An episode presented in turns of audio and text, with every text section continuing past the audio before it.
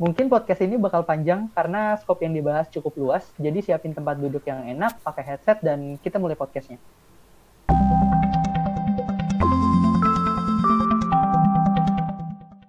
Hello, welcome to Positive.dev, podcast simple tentang teknologi informasi. Uh, pada hari ini kita akan membahas tentang topik yang mungkin cukup populer di kalangan mahasiswa tingkat akhir atau fresh graduates, uh, yaitu adapting to software engineering role, terutama ketika baru kelar dari kuliah atau of college. Uh, jadi kira-kira paling kita akan nge-share kayak pengalaman kita saat meluncur di dunia kerja untuk pertama kalinya itu gimana. Uh, ya jadi sebelum mulai mungkin kita bisa mungkin gue bakal introduce kita dulu. Jadi uh, di sini kita berdua uh, ada gue uh, Devin jadi software engineer dari sebuah startup di Jakarta. Terus ada juga satu lagi, silakan Jun. Uh, nama gue Clavin Jun. Saat ini sedang intern di sebuah startup juga di Jakarta. Tapi mostly gue status gue sekarang adalah uh, mahasiswa. Oke, okay. jadi ya, jadi mungkin kita bisa provide kayak dua point of view, satu dari yang udah gue udah dua tahun nan kerja dan satu lagi yang uh, akan lulus gitu, jadi intern. jadi udah masa-masa akhir kuliah lah. Uh, Oke, okay, jadi mungkin kita mulainya dari awal aja ya, dari kayak masa kuliah kali ya. Jadi kan for context kita um, apa kuliahnya ngambil computer science atau teknik informatika. Uh, kampusnya beda. Gue kampus di Tangerang juga sih. Jadi kampusnya kampus kita beda. Jadi kalau gue teknik informatika, kalau di lu sama Jun, teknik informatika juga. Sebenarnya sama, tapi secara official namanya computer science sih. Oke, okay. jadi fancy name lah. Iya, jadi, tapi technically sama. Oke, okay. kampusnya mungkin lebih fancy di sana.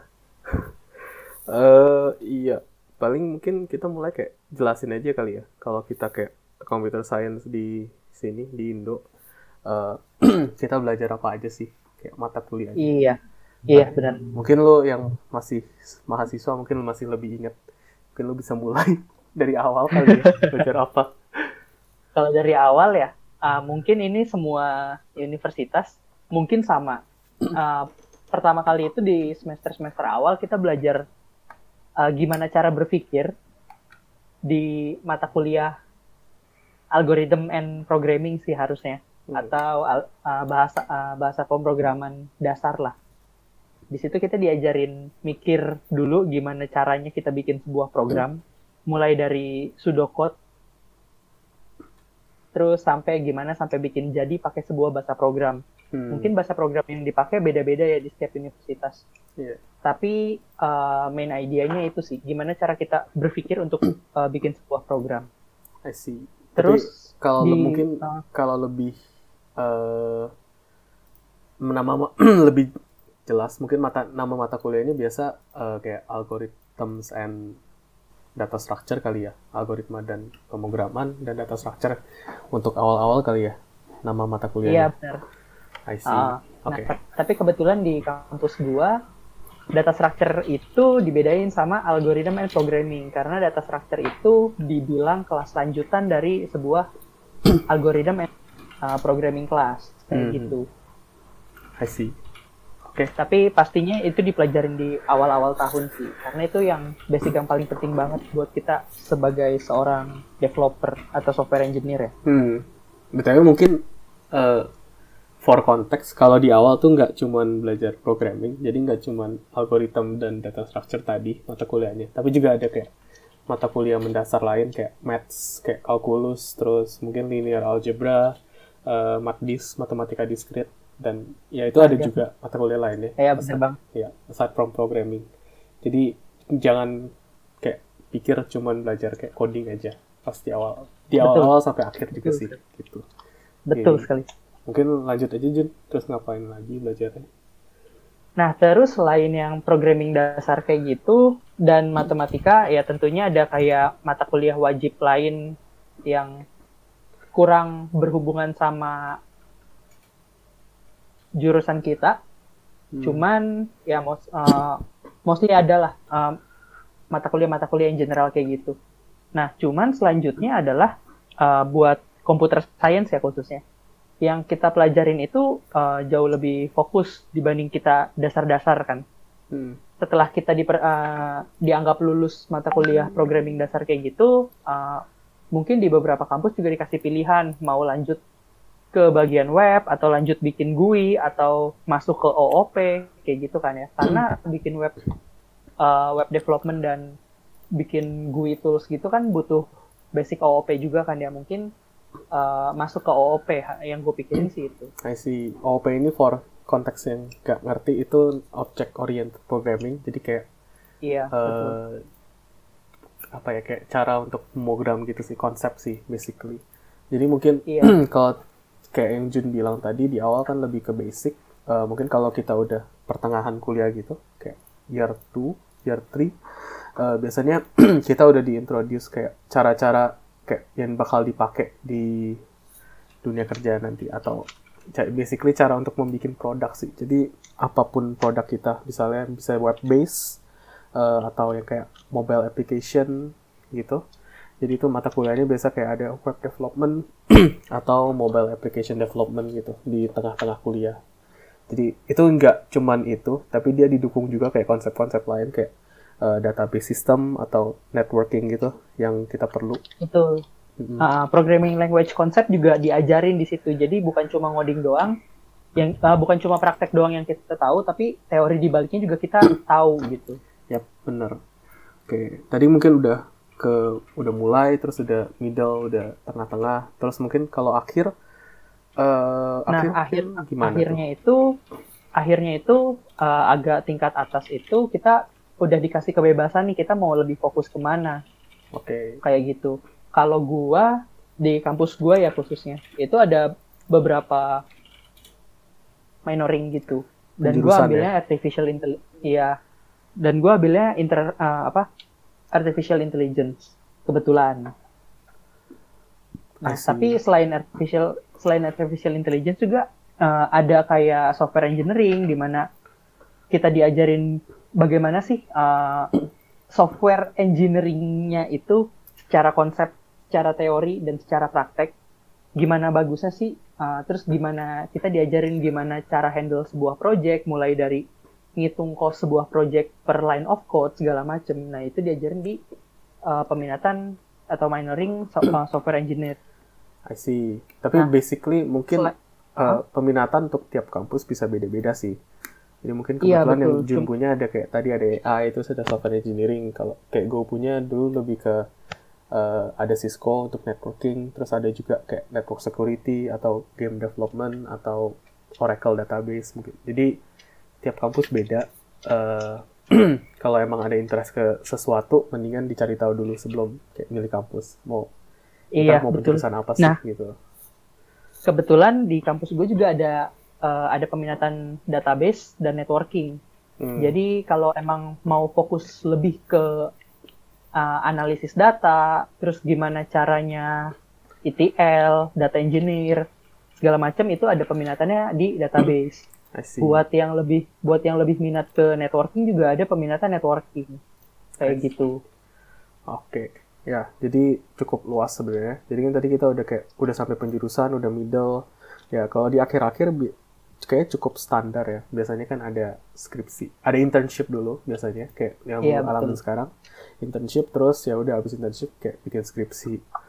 Uh, iya jadi kayaknya to summarize basically ya kalau di sini biasanya 4 tahun, uh, year 1, year 2 itu lebih ke introduction kayak ke algoritma sama computer science, terus uh, pas pertengahan lu udah diajarin untuk ngedevelop uh, produk mungkin di web base atau mobile. Terus in the end ya kita, lu praktekkan apa yang udah lu pelajarin, bisa di internship, uh, dan juga nanti ya untuk lulus perlu skripsi biasanya. Tapi ada juga yang nawarin jalur selain skripsi sih. Gitu. Tapi kan tadi kita udah bahas uh, kayak udah lumayan mungkin detail uh, kayak mata kuliah apa aja yang udah yang bakal kita kayak bakal seorang computer science student uh, temui gitu. Paling hmm, biasanya kan yang orang pengen tahu tuh lebih ke yang paling penting tuh apa yang paling kepake. Uh, itu apa sih? Ya kan, dari mata kuliah sebanyak itu dari 140 SKS nah kalau menurut lu sendiri kayak yang sampai sekarang paling menurut paling berguna gitu atau semuanya berguna Kalau menurut gua Hmm. semuanya berguna, tapi yang paling berguna itu sebenarnya yang di awal-awal kayak algorithm programming data structure sama OOP sih lebih tepatnya sih atau programming language concept lah. hmm. Yang awal-awal lebih penting menurut gua kenapa? Karena kalau misalkan basicnya kita kuat, advancing-nya kita uh, lebih lebih mudah gitu. Oke. Jadi eh, awal karena basic ya. Basicnya harus kuat Betul. dulu. Kalau basicnya udah kuat, kita bisa kayak explore lebih lanjut. Ya, gue cukup agree sih. Eh ya kayak kalau menurut gue sendiri yang algorithm and data structure itu sangat kayak fundamental, sangat berguna. Eh, networking database juga berguna. Kalau yang yang udah agak akhir-akhir mungkin menurut gue yang cukup berguna lagi itu distributed system sih. Jadi mungkin nggak semua kampus ada ini, cuman di kampus gue dulu semester 7 ada eh, mata kuliah kayak distributed system gitu.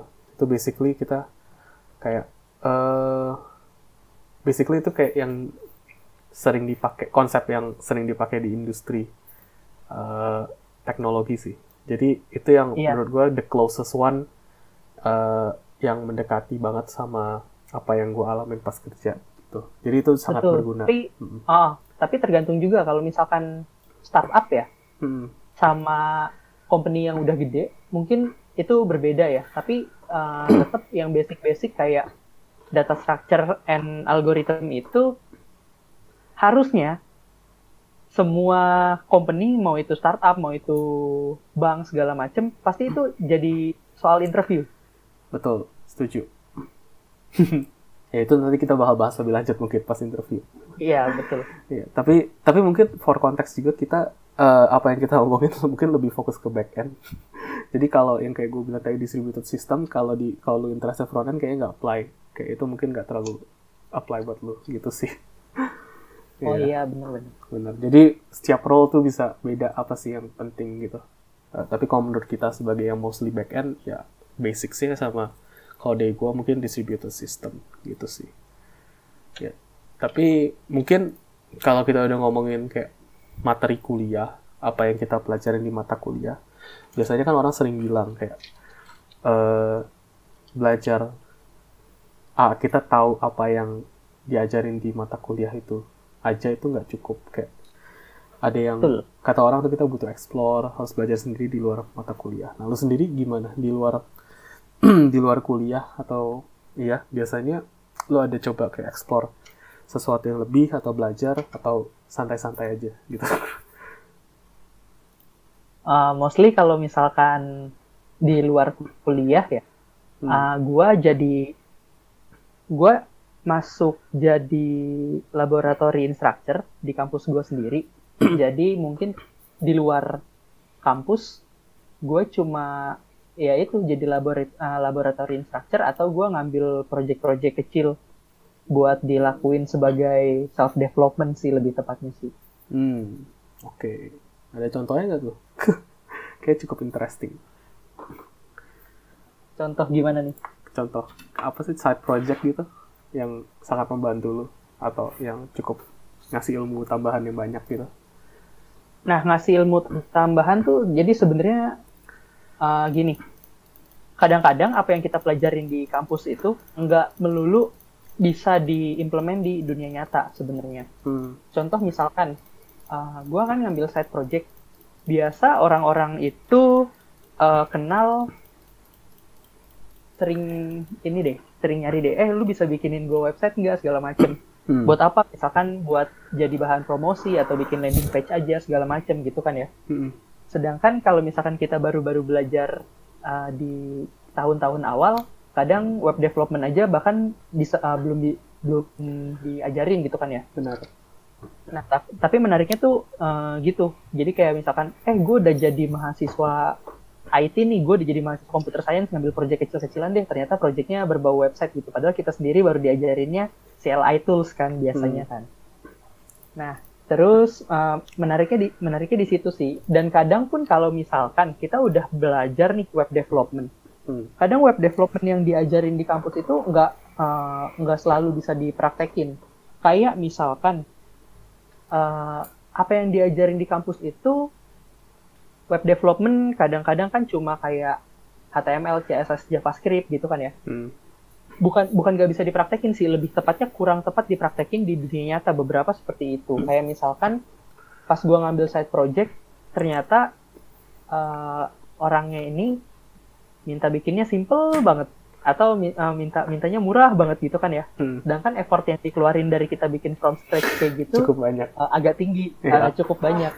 Nah, makanya uh, kadang-kadang kita beralih, eh ada nih yang namanya CMS, Content Management System gitu kan ya. Hmm. Ketemulah kita WordPress, ketemu Joomla. Kadang-kadang uh, dengan adanya WordPress sama Joomla kayak gitu, yang namanya CMS ya itu sangat membantu buat develop, uh, buat web development. Hmm. Di mana kita nggak perlu bah- bahkan kita nggak perlu handle HTML, CSS, JavaScript-nya lagi. Kita cuma tinggal install, klik-klik jadi gitu kan. Iya. Jadi nggak melulu nggak melulu yang diajarin di kampus itu kita bisa pakai di dunia, di dunia nyata dan dapat duit. Tapi nggak menutup kemungkinan juga kalau misalkan uh, kita pelajarin dan terus kita pakai buktinya sampai sekarang gue masih pakai apa yang diajarin di kampus kayak gitu. I see. Wow. Menarik, menariknya di situ sih. It's very very very complete answer kayaknya. Jadi kalau dari gue sendiri, ya gue setuju banget sama itu. Side project sangat membantu. Mungkin kalau tadi yang gue nangkep dari lu, eh, apa yang kita apa kerjaan apa kerjaan yang dikasih ke kita itu biasanya belum tentu yang bakal di, bakal kita alami di kampus. Eh, Betul. jadi kita bisa kayak belajar lebih walaupun kita menggunakan teori-teori yang kita udah pelajarin di kampus sih. Jadi mungkin Betul sekali. kayak gitu. Jadi kayak additional uh, additional kayak apa ya additional attributes ya atau apa. Iya. Tapi mungkin kalau gue mau tambahin sih uh, selain sebenarnya selain kayak ngerjain side project itu uh, di karena kita udah kayak era digital gitu sebenarnya basically di internet tuh banyak kayak resource yang uh, kita bisa pakai untuk uh, improve our skills. Jadi misalnya kalau kalau yang suka baca mungkin bisa baca Medium atau bisa baca DevTo, DevTo itu itu yang biasa kayak hal-hal berbau software engineering uh, dan sistem biasanya ditaruh di situ. Jadi yap jadi itu juga bisa buat acuan nambah ilmu selain dari apa yang kita kayak dikasih di kuliah sih. Betul banget. Karena gue sempat baca kalau misalkan uh, di kampus itu kita cuma diajarin uh, paling paling banyak itu 5% dari ilmu yang kita butuhin pas kerja, khususnya computer science ya. Hmm. Karena bahkan yang udah kerja, yang udah senior pun, yang hitungannya senior software engineer atau udah di manajerial atau CTO, uh, CTO pun tetap perlu belajar tiap hari karena perkembangan di emang era internet ini cukup cepat sih sebenarnya sih. Yap, setuju setuju. Jadi Dan- kalau cuma ngambil dari kampus doang kayak nggak gitu nggak gitu cukup gitu. Nggak cukup banget bukan nggak gitu cukup. ya nggak cukup lah ya jadi kita butuh kayak tambahan lah di luar pastinya untuk belajar belajar ya dan biasanya juga eh, apa yang kita pelajari di kampus mungkin teknologinya udah nggak up to date jadi mungkin udah ketinggalan tapi by konsep mungkin masih up to date. Jadi kalau kita ngomongin teknologi stacknya sendiri biasanya sih emang ketinggalan jadi kita harus ekspor sendiri. Cuman ya intinya sih basicnya aja kita diajarin gitu. Sisanya mungkin kita emang harus di encourage untuk uh, lebih ke explore sih. Itu kayak salah Yes. satu yang penting untuk kayak kalau lu masih student gitu itu kayak salah satu mungkin atribut yang penting untuk dimiliki.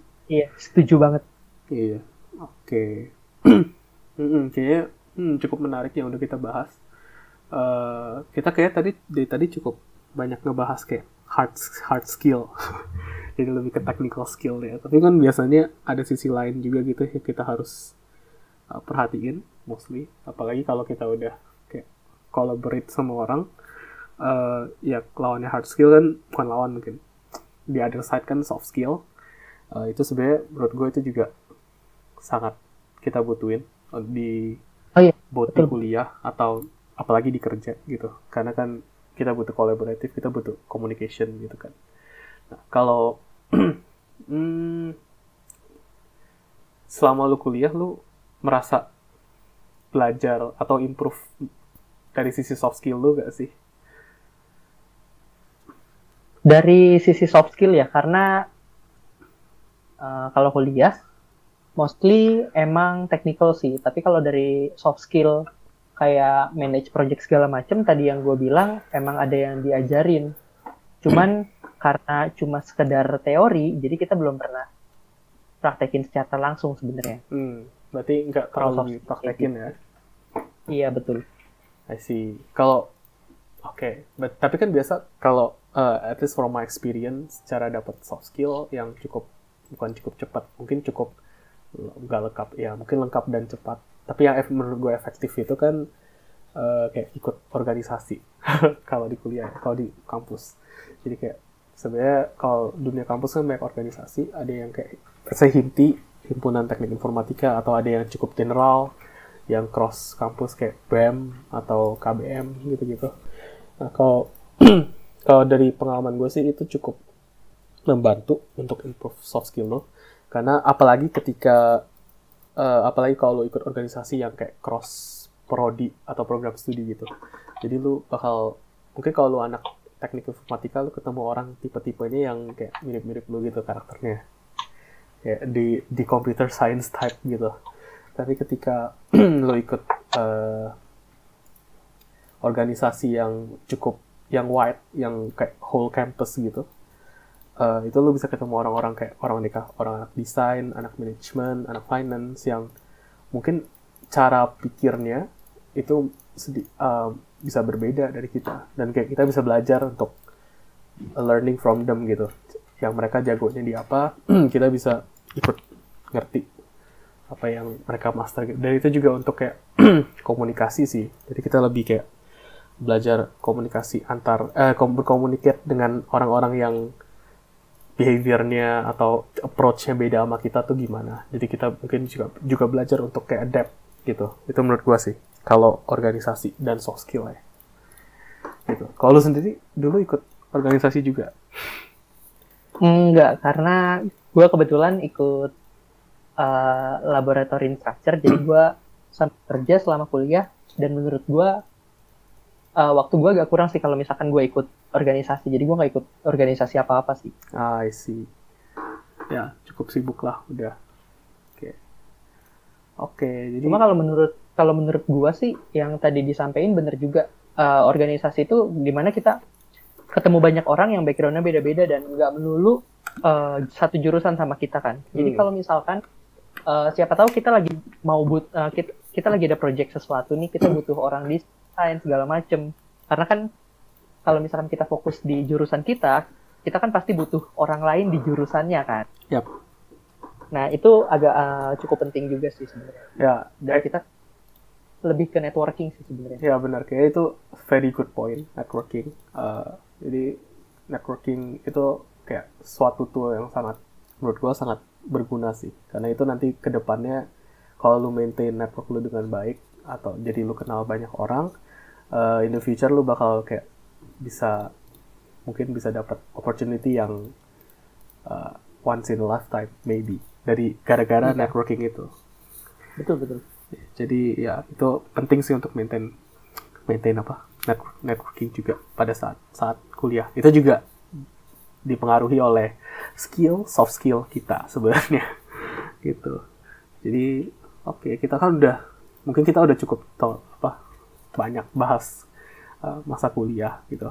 Kayak kuliah terus belajar apa, terus hard skill gimana, soft skill gimana. Mungkin ya udah mungkin ini udah saatnya kita kayak mulai move on ke pembahasan ke dunia kerja kali ya. Jadi kan kalau ya kalau setelah lulus atau misalnya let's say lu masih intern pastinya kalau lu mau ker- kerja biasanya kan lu perlu cari kerja. Ya to the point cari kerja. Habis itu pas kalau cari kerja eh, pasti lu kenal dengan eh, bikin CV bikin resume eh, resume lagi resume. Habis itu lu bakal interview. Jadi mungkin kita lebih gimana kalau menurut gua mungkin apa kita bisa bahas kayak interview software engineer gimana kali ya? kalau menurut lu gimana? Iya boleh. Oke. Oke ini hmm. tapi mungkin disclaimer juga eh, pengalaman kita mungkin lebih ke kalau interview tentang back end role kali. Back end atau full stack yang nggak terlalu yang nggak front end gitu sih. Nggak full front Iya, end. jadi kita uh, nggak gitu bisa apa ya nggak nggak gitu bisa cakup front end atau di, di bagian data atau networking. Kita belum gitu bisa mencakup topik itu sih sebenarnya sih. Iya, tapi mungkin apa yang kita uh, bakal sampaikan uh, mungkin general sih sebenarnya, pertanyaan kayak stepsnya gitu sih. Jadi uh, mungkin gue mulai. Kalau di pengalaman gue biasa sih interview kan uh, software engineering interview biasanya ada apa yang pasti ada kayak logic question kan di di awal. Kayak uh, algorit algorithm question dikasih soal terus gimana sih lu nge-solve-nya? Uh, terus nanti ujung-ujungnya kayak dari solusi yang udah lu bikin ujung-ujungnya mesti dioptimize gitu lagi. Itu lebih kayak uh, supaya interviewernya ngerti kayak cara pikir lu gimana. Biasanya gitu. Terus mungkin komponen lainnya ada juga uh, sistem desain interview. Jadi sistem desain lebih kayak let's say lu dikasih case kalau gue mau bikin Twitter gimana mulainya gimana terus uh, ya udah lu disuruh desain database-nya gimana arsitekturnya gimana dan lain-lainnya gimana. Jadi mungkin dua itu uh, kayak soal yang cukup general. Mungkin Uh, kalau logic kayaknya gue cukup yakin di front end bakal ditanya, data bakal ditanya, networking gue kurang tahu, tapi mungkin di tim in, kalau infrastructure juga bakal ditanya, karena ya itu kayak engine sering bilang itu kayak basic dari segalanya.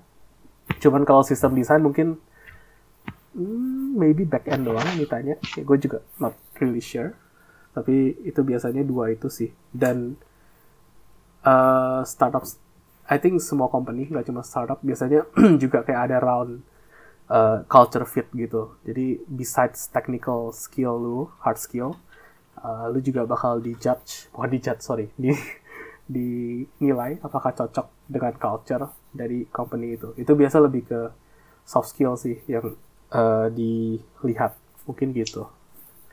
Ya mungkin kalau pengalaman kayak intern gitu, interviewnya gimana Jen?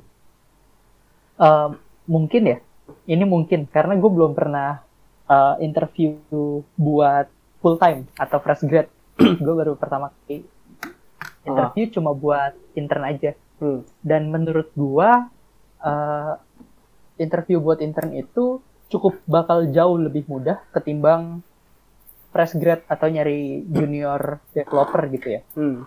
alasan gue ngomong kayak gitu adalah uh, pertama ya kita cuma intern jadi uh, palingan yang ditanya balik lagi logik. Kita bisa uh, mikir sejauh mana buat nyelesain sebuah problem. Mungkin hmm. jauh lebih ke situ. Kalau buat sistem desain mungkin cuma ditanya sebatas ya tahu aja uh, kita udah sampai mana sih belajarnya mungkin sampai situ. Oh, okay. sama yang paling penting itu uh, gimana cara kita uh, nyelesain problem sebenarnya. Yep problem solving Iya, itu paling itu paling penting. Terus sisanya ya paling kita tanya-tanya tentang tech stack. Jadi kayak di di company tersebut pakainya apa aja, kita pernah pakai atau enggak, pernah cobain apa enggak segala macam. Itu sih paling yang ditanya-tanya. Hmm. Ya dan ya gue agree. Uh, ya emang interview untuk beda level, intern, fresh grad, senior pasti beda.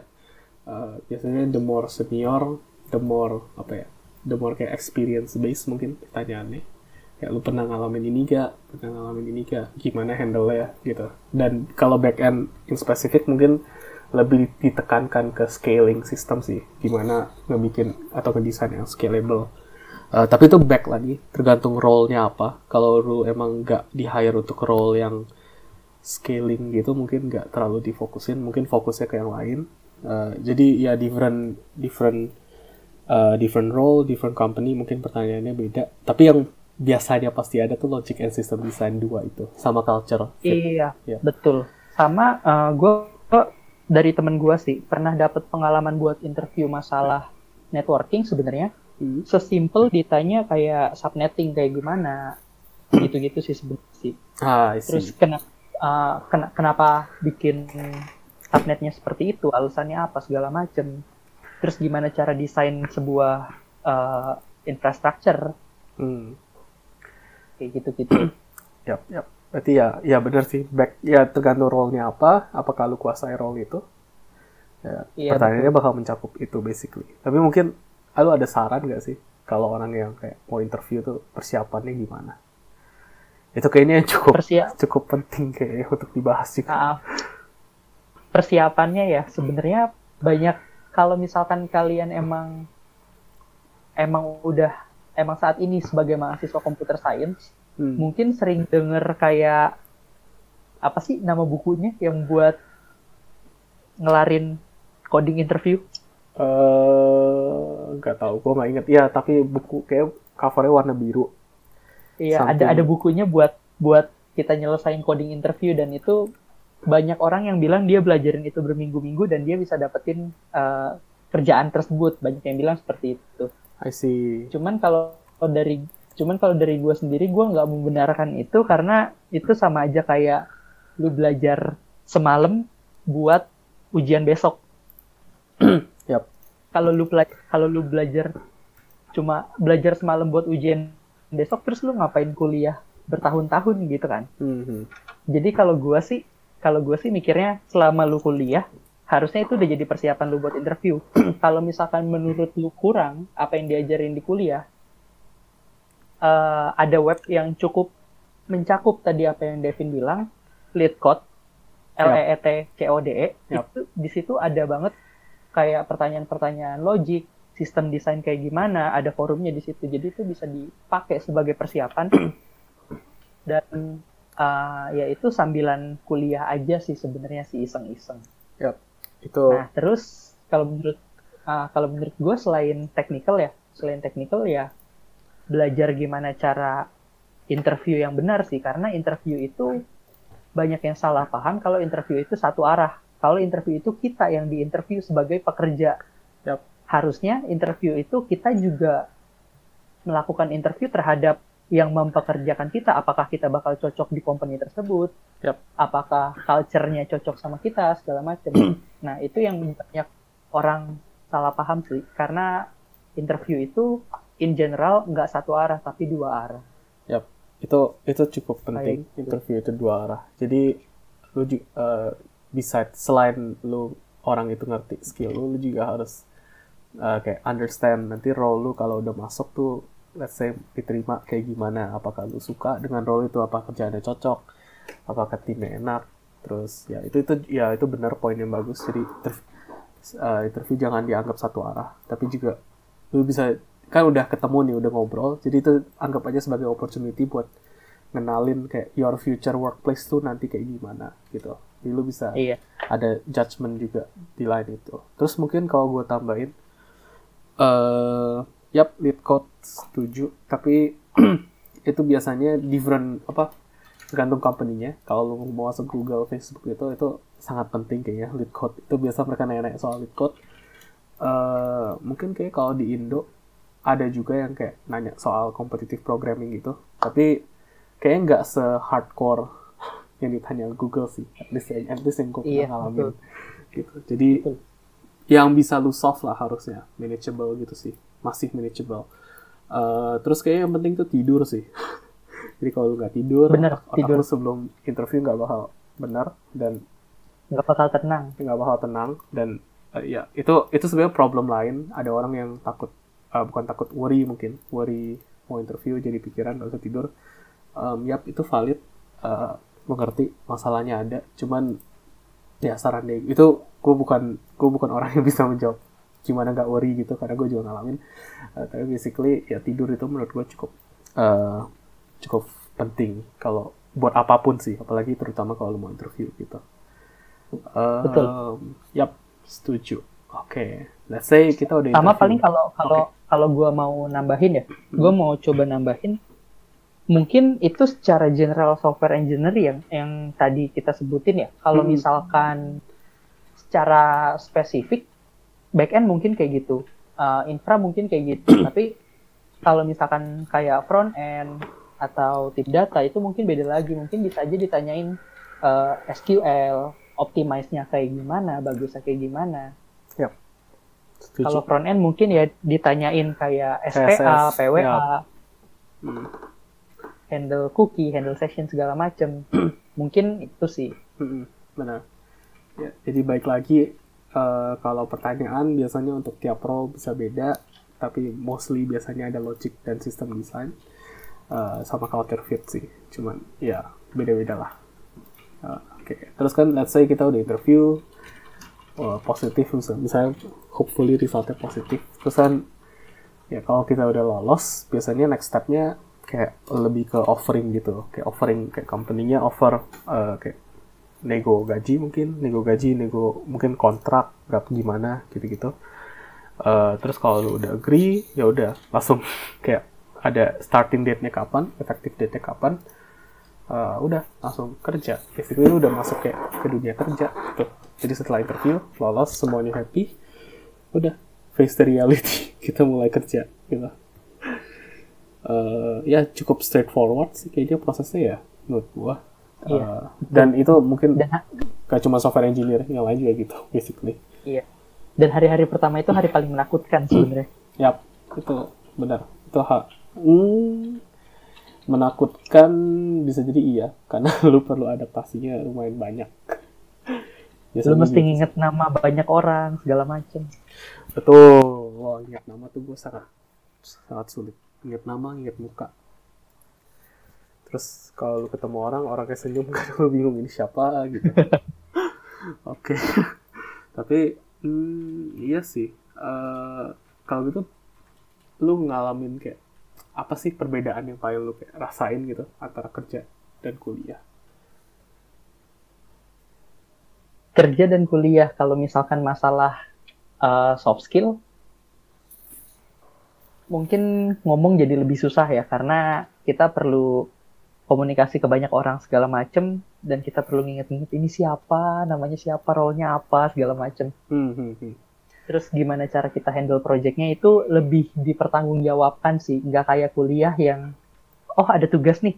Terus hmm. lu keskip ngumpulin ya udah lu nggak dapat nilai. Sedangkan kalau misalkan kita uh, udah kerja nggak ngumpulin tugas nih ya udah lanjut di sprint selanjutnya tugas lu. Dan tapi nggak bisa kayak gitu juga karena uh, ada deadline segala macam dan deadline-nya kadang strict kita nggak bisa lewatin.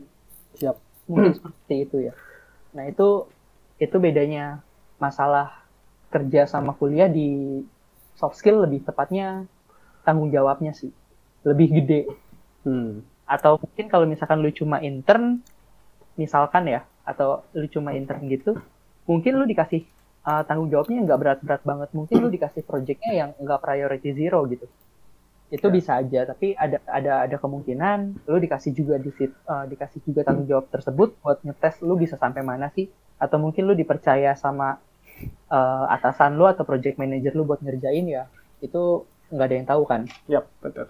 Selain selain tanggung jawab juga kayak technical itu lebih trik sih. Kayak kita nggak bisa tiba-tiba ah gue udah salah bikin nih gue bikin dari awal deh segala macem. Hmm. itu nggak bisa juga.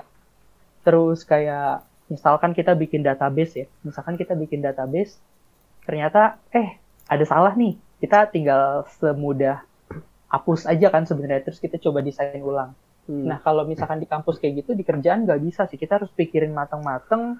Kalau misalkan udah oke okay, kira-kira nggak ada yang nggak ada masalah yang begitu berarti misalkan atau masalahnya ternyata ada masalah nih tapi misalkan belum bakal sampai ke situ. Kalau konsep yang gua pelajarin sih uh, ada namanya yakni ya? Yep. Y A G N I kalau lu pernah dengar yep. uh, y G N I jadi kalau misalkan kira-kira problemnya belum kelihatan seenggaknya lu avoid jangan sampai ketemu problem itu sih. Tapi ya kayak gitu. Karena selama kerja database-nya itu bakal banyak banget. Dan lu nggak bisa semena-mena eh gua hapus ini aja deh gua ganti sama ini deh. Hmm. karena datanya itu banyak dan backupnya itu makan waktu. Nggak nggak sama kayak kuliah yang paling lu kerjain project cuma ada 10 row 50 row. Kalau misalkan di kerjaan itu itu bisa berjuta-juta data dan itu lu pertanggungjawabkan data customer sih sebenarnya sih. Yep, jadi lu nggak bisa main kayak gitu aja. Terus bedanya kerja sama kuliah itu kalau misalkan kuliah kita cuma mentingin salah satu kayak misalkan ah gue kalau misalkan ngerti teori aja gue tinggal hafalin gue masih bisa lulus nih atau gue ngerjain praktek aja uh, eh, gue masih bisa lulus nih. Kalau misalkan di kerjaan lu nggak bisa kayak gitu karena dua-duanya itu cukup diuji sih. Kayak misalkan lu ditanya kalau misalkan ada problem kayak gini, lu nyelesainnya gimana?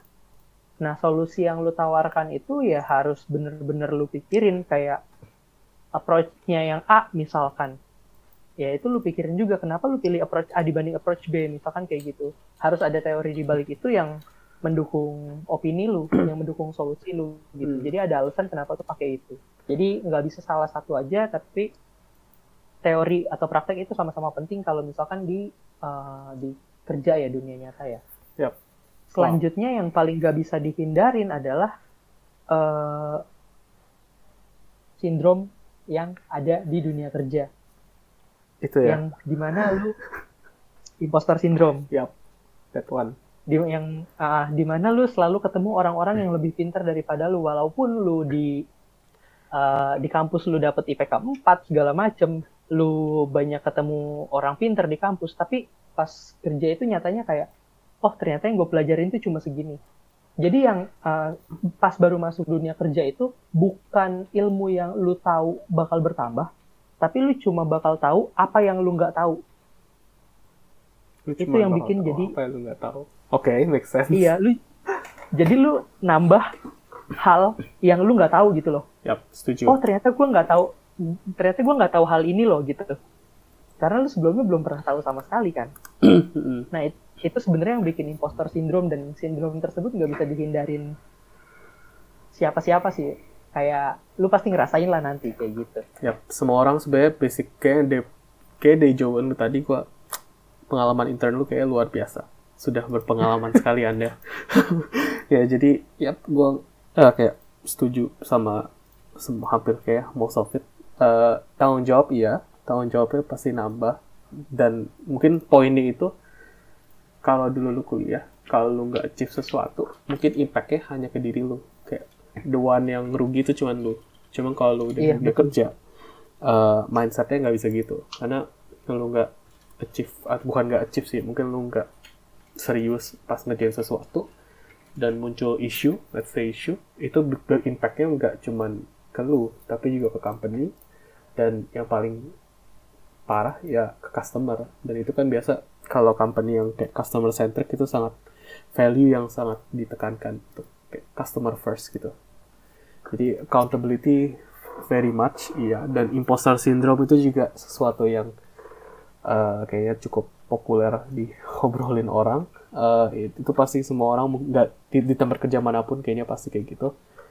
Em, dan menurut gue sendiri itu a good thing gitu jadi em bener kita ketemu orang-orang pinter tapi positifnya kita jadi eh, semakin belajar dari orang-orang itu jadi kita banyak ilmu yang kita nggak tahu dan kita serap ilmu itu. Nah justru mindsetnya harus kayak gitu. Kalau kalau kita ketemu orang yang lebih pintar, jangan kayak minder gitu sih. Tapi justru kita harus kayak belajar eh, apa sih yang dia lakuin, apa yang dia lakuin dengan benar, apa yang mungkin dia lakuin kurang tepat, yang yang lu punya ilmu itu dan lu bisa improve, bilang dia untuk improve gitu. Jadi ya itu kayak itu mungkin lebih kayak feedback gitu sih. Jadi feedback itu sebenarnya sangat penting. Kalau lu kuliah dulu mungkin feedbacknya hanya kayak uh, nilai lu nilai lu jelek itu jadi feedback lu gitu. Iya. Tapi kalau lu kerja feedbacknya bisa kayak dari segala arah, dari hasil kerjaan lu mungkin resultnya kurang bagus atau, atau bagus banget. Uh, dan juga misalnya dari teammates lu, mereka ada kayak pendapat apa yang bisa lu improve atau apa yang mereka sendiri bisa improve gitu. Itu feedback uh, cukup penting dan kayaknya sangat di appreciate sih di uh, tempat kerja. Base uh, beda company mungkin beda, tapi harusnya sih di appreciate gitu. Ya, yang kayak uh, data-data itu juga benar dan ya kayaknya cukup ya lu katakan tadi cukup summarize kira-kira kayak beda kerja dan kuliah apa sih? Gitu. Iya. Apa lagi yang bisa kita bahas? Eh, mungkin tadi kan kita lu ada touch dikit yang gue cukup yang gue setuju. Apa hardest part itu mungkin kayak di awal-awal kali ya awal-awal kerja. Karena kita baru adaptasi. Eh, biasanya mungkin susahnya karena eh, lingkungan baru iya. Dan juga kalau lebih ngomongin technical pasti technical stack-nya beda. Ah, bisa jadi beda bisa jadi kayak baru banget gitu kayak baru lu alamin. Kayak gue inget pas gue baru uh, pertama kerja gue nggak gue diintroduce kayak AWS sama Zone Web Service terus introduce uh, GCP Google Cloud Platform. Uh, itu sesuatu yang kayak nggak disentuh pas kuliah I mean disentuh betul in karena teori itu, uh, karena cukup baru sih sebenarnya sih yap itu cukup baru dan karena uh, karena uh, ya kayak gitu-gitu sih yang bakal lu alami di hari-hari pertama dan lu harus adaptasi. Ya, jadi mungkin tadi kan lu touch point itu. Lu ada kayak saran untuk cepat adaptasi? Untuk cepat adaptasi sebenarnya kayak gini kalau menurut gue ya. Kita kita balik lagi ke bagian interview sebenarnya sih. Hmm. Yang tadi gue bilang interview itu kan sebenarnya dua arah kan buat mengenal company-nya lebih, lebih lanjut kan. Hmm. Kalau misalkan lo ada kesempatan buat nanya teks-teksnya, ya itu lebih bagus karena lu jadi kenal oh nanti gue bakal pakai ini segala macem atau mungkin lu bisa tanya lebih spesifik misalkan saya diterima uh, saya ditempatin di tim apa dan saya butuh apa aja buat bekerja di situ segala macem iya benar. mungkin itu lebih penting buat persiapan sebelum masuk kerja sih karena pas gue uh, tapi sebenarnya nggak nggak selalu membantu karena kayak gini gue uh, waktu itu sempet tanya juga kayak gue butuh apa aja segala macem Hmm. Kayak misalkan dia sebutin 10, 7 di antaranya tuh gue nggak tahu apa-apa sama sekali. Hal yang baru pasti. Kayak, wah baru baru, baru banget gitu. Dan ternyata uh, pas masuk pun, kalaupun dia pakai uh, teknologi yang udah disebutin tersebut, ya mungkin kita masih bisa belajar. Tapi kalau misalkan yang disebutin adalah, oh kita pakai library in-house, kita bikin sendiri segala macam hmm. apa yang lu bisa pelajarin gitu kan setuju jadi itu nggak selalu membantu tapi itu cukup untuk lu persiapan nanti oh gue nanti bakal kerja pakai ini gue coba cari-cari dulu deh segala macam hmm. dan mungkin yang penting hmm, biasanya gitu. di tiap company itu juga ada kayak onboarding uh, onboarding guide-nya sih jadi kayak ada mungkin ada bootcamp jadi pas lu baru masuk ada training atau bootcamp ya lu harus complete beberapa guide uh, sebelum bisa mulai kayak contribute gitu. Jadi itu juga step yang penting uh, untuk ya kalau company lu belum ada mungkin lu bisa bantu bikin outboarding itu untuk new joiner kayaknya sangat membantu. Jadi mereka bisa kayak catch up betul, gitu. Karena lu juga sibuk pasti. Jadi ada checklist. Nah, jadi yeah. ada checklistnya. Oh, anak baru nih. Mm -mm. Ngapain dulu ya gitu kan. Mm -mm, benar. Itu kayak cukup penting. Uh, ya, jadi baca baca-baca always learning benar selalu belajar terus yang tadi kita sempat sentuh juga feedback kayaknya itu sangat penting juga jadi mungkin mentor lu pas di awal bisa kasih feedback uh, kayak dari mungkin minggu pertama dia udah uh, apa ngeliat lu kayak struggle-nya di mana dia mungkin bisa kasih feedback gitu oh lu struggle-nya misalnya di front end React let's say. Oke coba uh, mungkin ada resource ini yang bisa membantu gitu. Jadi kalau lu merasa lost atau apa jangan takut untuk bertanya sih basically. Dan selalu Betul. anggap feedback itu kayak positif gitu lah. Jangan jangan pikir uh, ya imposter syndrome lagi. Lu terima feedback artinya lu kurang jago gitu. Gitu sih. Betul. Dan kalau bisa kalau emang possible ya hmm. kalau misalkan lu bisa minta pair programming dan itu bisa dikasih mungkin menurut gue itu jauh lebih cepat sih buat belajar di pertama-tama sih. Ah sih pair programming sebenarnya kayak interesting topik sih. Ya in a way mungkin lu bisa jadi cepat tapi uh, lu juga bisa jadi sebenarnya dua double edged sword gitu kalau menurut gua. Jadi lu bisa iya, betul. In, in in one way lu bisa jadi cepat tapi in other way lu juga bisa merasa minder karena teman lu kerjainnya dengan cepat iya. Dan kadang-kadang kayak misalkan aduh gue takut nih ngodingnya diliatin segala macem. Iya terus panik. Nah itu uh, terus panik. Iya itu ya itu something something itu kayak hal-hal yang uh, di awal-awal lu pasti kayak temuin sih. Jadi cukup normal tapi menurut gue yang key takeaway-nya itu uh, kalau nggak tahu tanya always ask question terus kalau ada feedback dengerin give. Gak, jangan cuma dengerin tapi kalau lu ada feedback juga give feedback gitu. Uh, terus onboarding onboarding dokumen hmm, pretty much cukup penting gitu. Jadi ya kayaknya itu sih kalau dari gue dan dari kita mungkin untuk adaptasi ya di awal-awal ya. Gitu dari ada tambahan nggak itu kalau dari gue sih paling itu aja terus gue mau coba bahas ini nih kayak uh, apa ya uh, nggak enaknya kalau misalkan kita jadi kita Software engineer. sebagai software engineer ya Kayak banyak orang sering nanya. Oke, mulai di gua. karena karena kita sering nih kan lu anak IT gitu kan Iya kan lu anak IT, itu ada meme-nya. Kan lu anak IT Mungkin nanti pas gue edit terus disuruh putar. benerin benerin AC Oke. Iya. Biasa dis- biasa sih disuruh ngehack sih.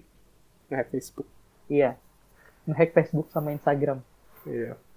Eh, Oke, kalau dari gua nggak enaknya jadi software engineer, hmm. Eh, enaknya banyak, tapi nggak enaknya juga ada. Eh, nggak enaknya salah satunya ya, ini mungkin bukan nggak enak sih, ini mungkin kayak ini privilege juga sebenarnya. Jadi kayak bisa lu anggap positif atau negatif, tapi kan yang pastinya lu harus terus belajar. Jadi kayak belajarnya nggak pernah berhenti. Karena selalu ada teknologi geraknya sangat cepat walau mm, bisa aja ada stack yang baru bisa aja besok ada stack baru langsung eh, yang tiba-tiba booming gitu dan kalau lu mau eh, kayak ikut ikut di tren itu lo harus belajar. Jadi teknologi kayak gitu eh, cepat dan banyak berubah. Itu menurut gua yang cukup hmm, cukup kerasa itu sih kayaknya kita eh at least pengalaman gue dulu eh, kurang apa ya kurang kurang socialize. Gara-gara ini mungkin bukan gara-gara jadi software engineer sih cuman biasanya kan kalau kita dari kuliah atau udah kerja pun eh, hampir setiap hari kayak di depan laptop atau komputer gitu kan. Jadi itu sesuatu Dan- mungkin yang kita bisa improve. Eh, emang enak iya. Duduk ketik-ketik walau nonton. Karena udah ketik karena udah duduk jadi udah kayak udah moodnya nonton duduk gitu males-malesan. Eh, emang enak tapi menurut gue yang penting juga itu untuk kayak socialize di di luar jam kantor atau jam kuliah sih. Jadi eh, jangan sering-sering oh, jangan sering-sering tapi jangan terlalu terpaku terhadap laptop gitu sih atau komputer. Jadi menurut gue itu salah Iya, satu karena- yang gak enak. karena mostly kita yang Heeh. karena mostly yang kita apa namanya yang kalau misalkan kita udah terfokus di situ topik ngomongnya cuma itu itu aja nggak bisa di luar topik lain. Makanya kita kadang-kadang kurang socialize karena lebih ke apa ya social awkward ya Hmm, mungkin kita kurang bisa eh, agak susah untuk topiknya nyari kurang topik yang ah, bisa topiknya dibahas. kurang abroad Ya, topik bisa itu. Tapi nggak semua orang kayak gitu. Tapi ya yang gue Iya. alamin mungkin gitu. Jadi ya jangan socialize-nya agak kurang. Karena kayak udah moodnya tuh udah Jadi, enak, udah duduk socialize. depan laptop, mau ngoding atau mau nonton YouTube tuh tinggal a, a tab, switch tab aja gitu. Jadi jadi agak males gitu sih. Ya nggak enaknya itu salah satunya karena environment-nya emang mendukung buat buat itu. Gitu. Kayaknya yang gue baru kepikiran itu sih dua itu sih. Yang well yang belajar tuh nggak nggak nggak nggak nggak selalu nggak enak. Belajar tuh seru. Cuman at some point mungkin lu ketika udah merasa terlalu capek itu bisa jadi sesuatu yang gak enak gitu sih. ya kalau dari lu kayak technical issue guys. Jadi kita karena PSBB kita pakai kita remote eh, pakai hangouts. Dan internet kita mungkin gak reliable. Tadi bahas apa sih? Eh gak enaknya jadi software engineer apa? Jadi tadi gue Oh, iya. summarize gue yang eh, yang enak gak enaknya itu yang apa belajar terus sama socialize eh, social life bukan social life ya. Kita harus kayak perlu effort untuk socialize lebih kayak situ sih Oke. summary gue Oke. Jadi sebenarnya yang gue mau nambahin yang gak enaknya itu tadi gue baru nonton sebuah video sebenarnya. hmm. Jadi video itu di mana kita eh kita yang ngerti di technical ya sebenarnya ya. Hmm. Pas kita diajak meeting sama manajerial, sama atasan segala macem, itu kadang kayak mereka nggak ngerti secara teknikal kenapa impossible gitu. Mereka taunya "Ah, ini harusnya bisa gitu, tapi kenapa nggak bisa? Yang nggak ngerti kita jelasinnya sebenarnya susah sih. I see ya oke oke ngerti yap yap communication ya berarti kayak gimana kita ngejelasin Iya, betul. technical term ke orang yang nggak terlalu technical kan Iya betul dan kadang-kadang mereka nggak mau tahu ini harusnya bisa gitu kan. ya I get that Iya, tapi yap setuju. Setuju sih. Jadi dari lu lebih ke situ berarti ya poin gak enaknya Iya. apa? I see. Tapi enaknya banyak kan sebenarnya. Enaknya banyak, gajinya kenceng. Eh, well, ya depends. Gaji kencang iya, karena lagi hot-hotnya. Tapi mungkin Iya betul. nggak tahu berapa lama lagi kayak gini. Apalagi lagi corona. Dan gini. karena kita dianggap bahan langka sama pemerintah. ya, Indonesia kekurangan Indonesia kekurangan IT. balik Jadi lagi mungkin ya. itu yang bikin gajinya gede ya. bisa jadi iya. Ya supply demand lah. Mungkin demandnya kurang. Eh, sorry, supply-nya kurang, demandnya banyak. Ya udah, harganya ngikut. Gitu. Yap. Dari Ya. gue itu aja sih. Mungkin yang enaknya lain, eh, kita bisa melihat produk yang kita contribute itu dipakai oleh orang lain, orang banyak gitu, impact-nya ada. Mungkin itu cukup satisfying kalau emang lu tipe orang yang kayak gitu. Kayak itu yang mensatisfy lu. Eh, ya, kayaknya gitu sih. Mungkin ya enaknya banyak, ba- nggak enaknya juga ada. Gitulah. Jadi ya kayak other things in life semuanya kayak gitu. Em, ya, jadi kayak untuk pembahasan hari ini, kayak kita cukup sampai sini aja. Jadi kita udah kayak kira-kira ngebahas tadi eh kuliah gimana, as computer science, terus belajar apa aja, terus menurut kita apa yang penting, eh, terus nanti Kepake kita- atau enggak ya kepake kerja. atau enggak terus hard skill soft skill kira-kira apa gimana dan kalau kita mau bridge ke dunia kerja proses-prosesnya gimana apa yang ditanya terus apa yang dilihat Eh, ya terus enak gak enaknya jadi engineer hmm, yap, jadi kayak kita udah cukup mungkin udah cukup lama juga bahasnya Gua udah mulai capek ngomongnya Em, oke jadi kayaknya cukup sampai sini Eh, Iya, mungkin misalkan ada detail-detail yang nggak sempat kebahas, mungkin bisa coba email ke kita ya. Oh iya bisa email ke kita. Ntar emailnya linknya apa? Kita udah bikin ya. Kayak hello at positive.dev. Kalau gue salah gue cut ini. Tapi kalau gue bener gue tinggalin. Jadi hello at positive.dev harus sepertinya. Um, yap dan rencananya kita kayak bakal bikin ini. Eh, kita bakal bikin beberapa lagi. Udah ada beberapa topik sih yang kita line up. kayak mungkin kalau previewnya kita udah topik kayak spesialis. eh, kayak nggak tahu orang-orang yang bingung mau fokusnya bedanya apa sih back end front end dan mau fokus ke mana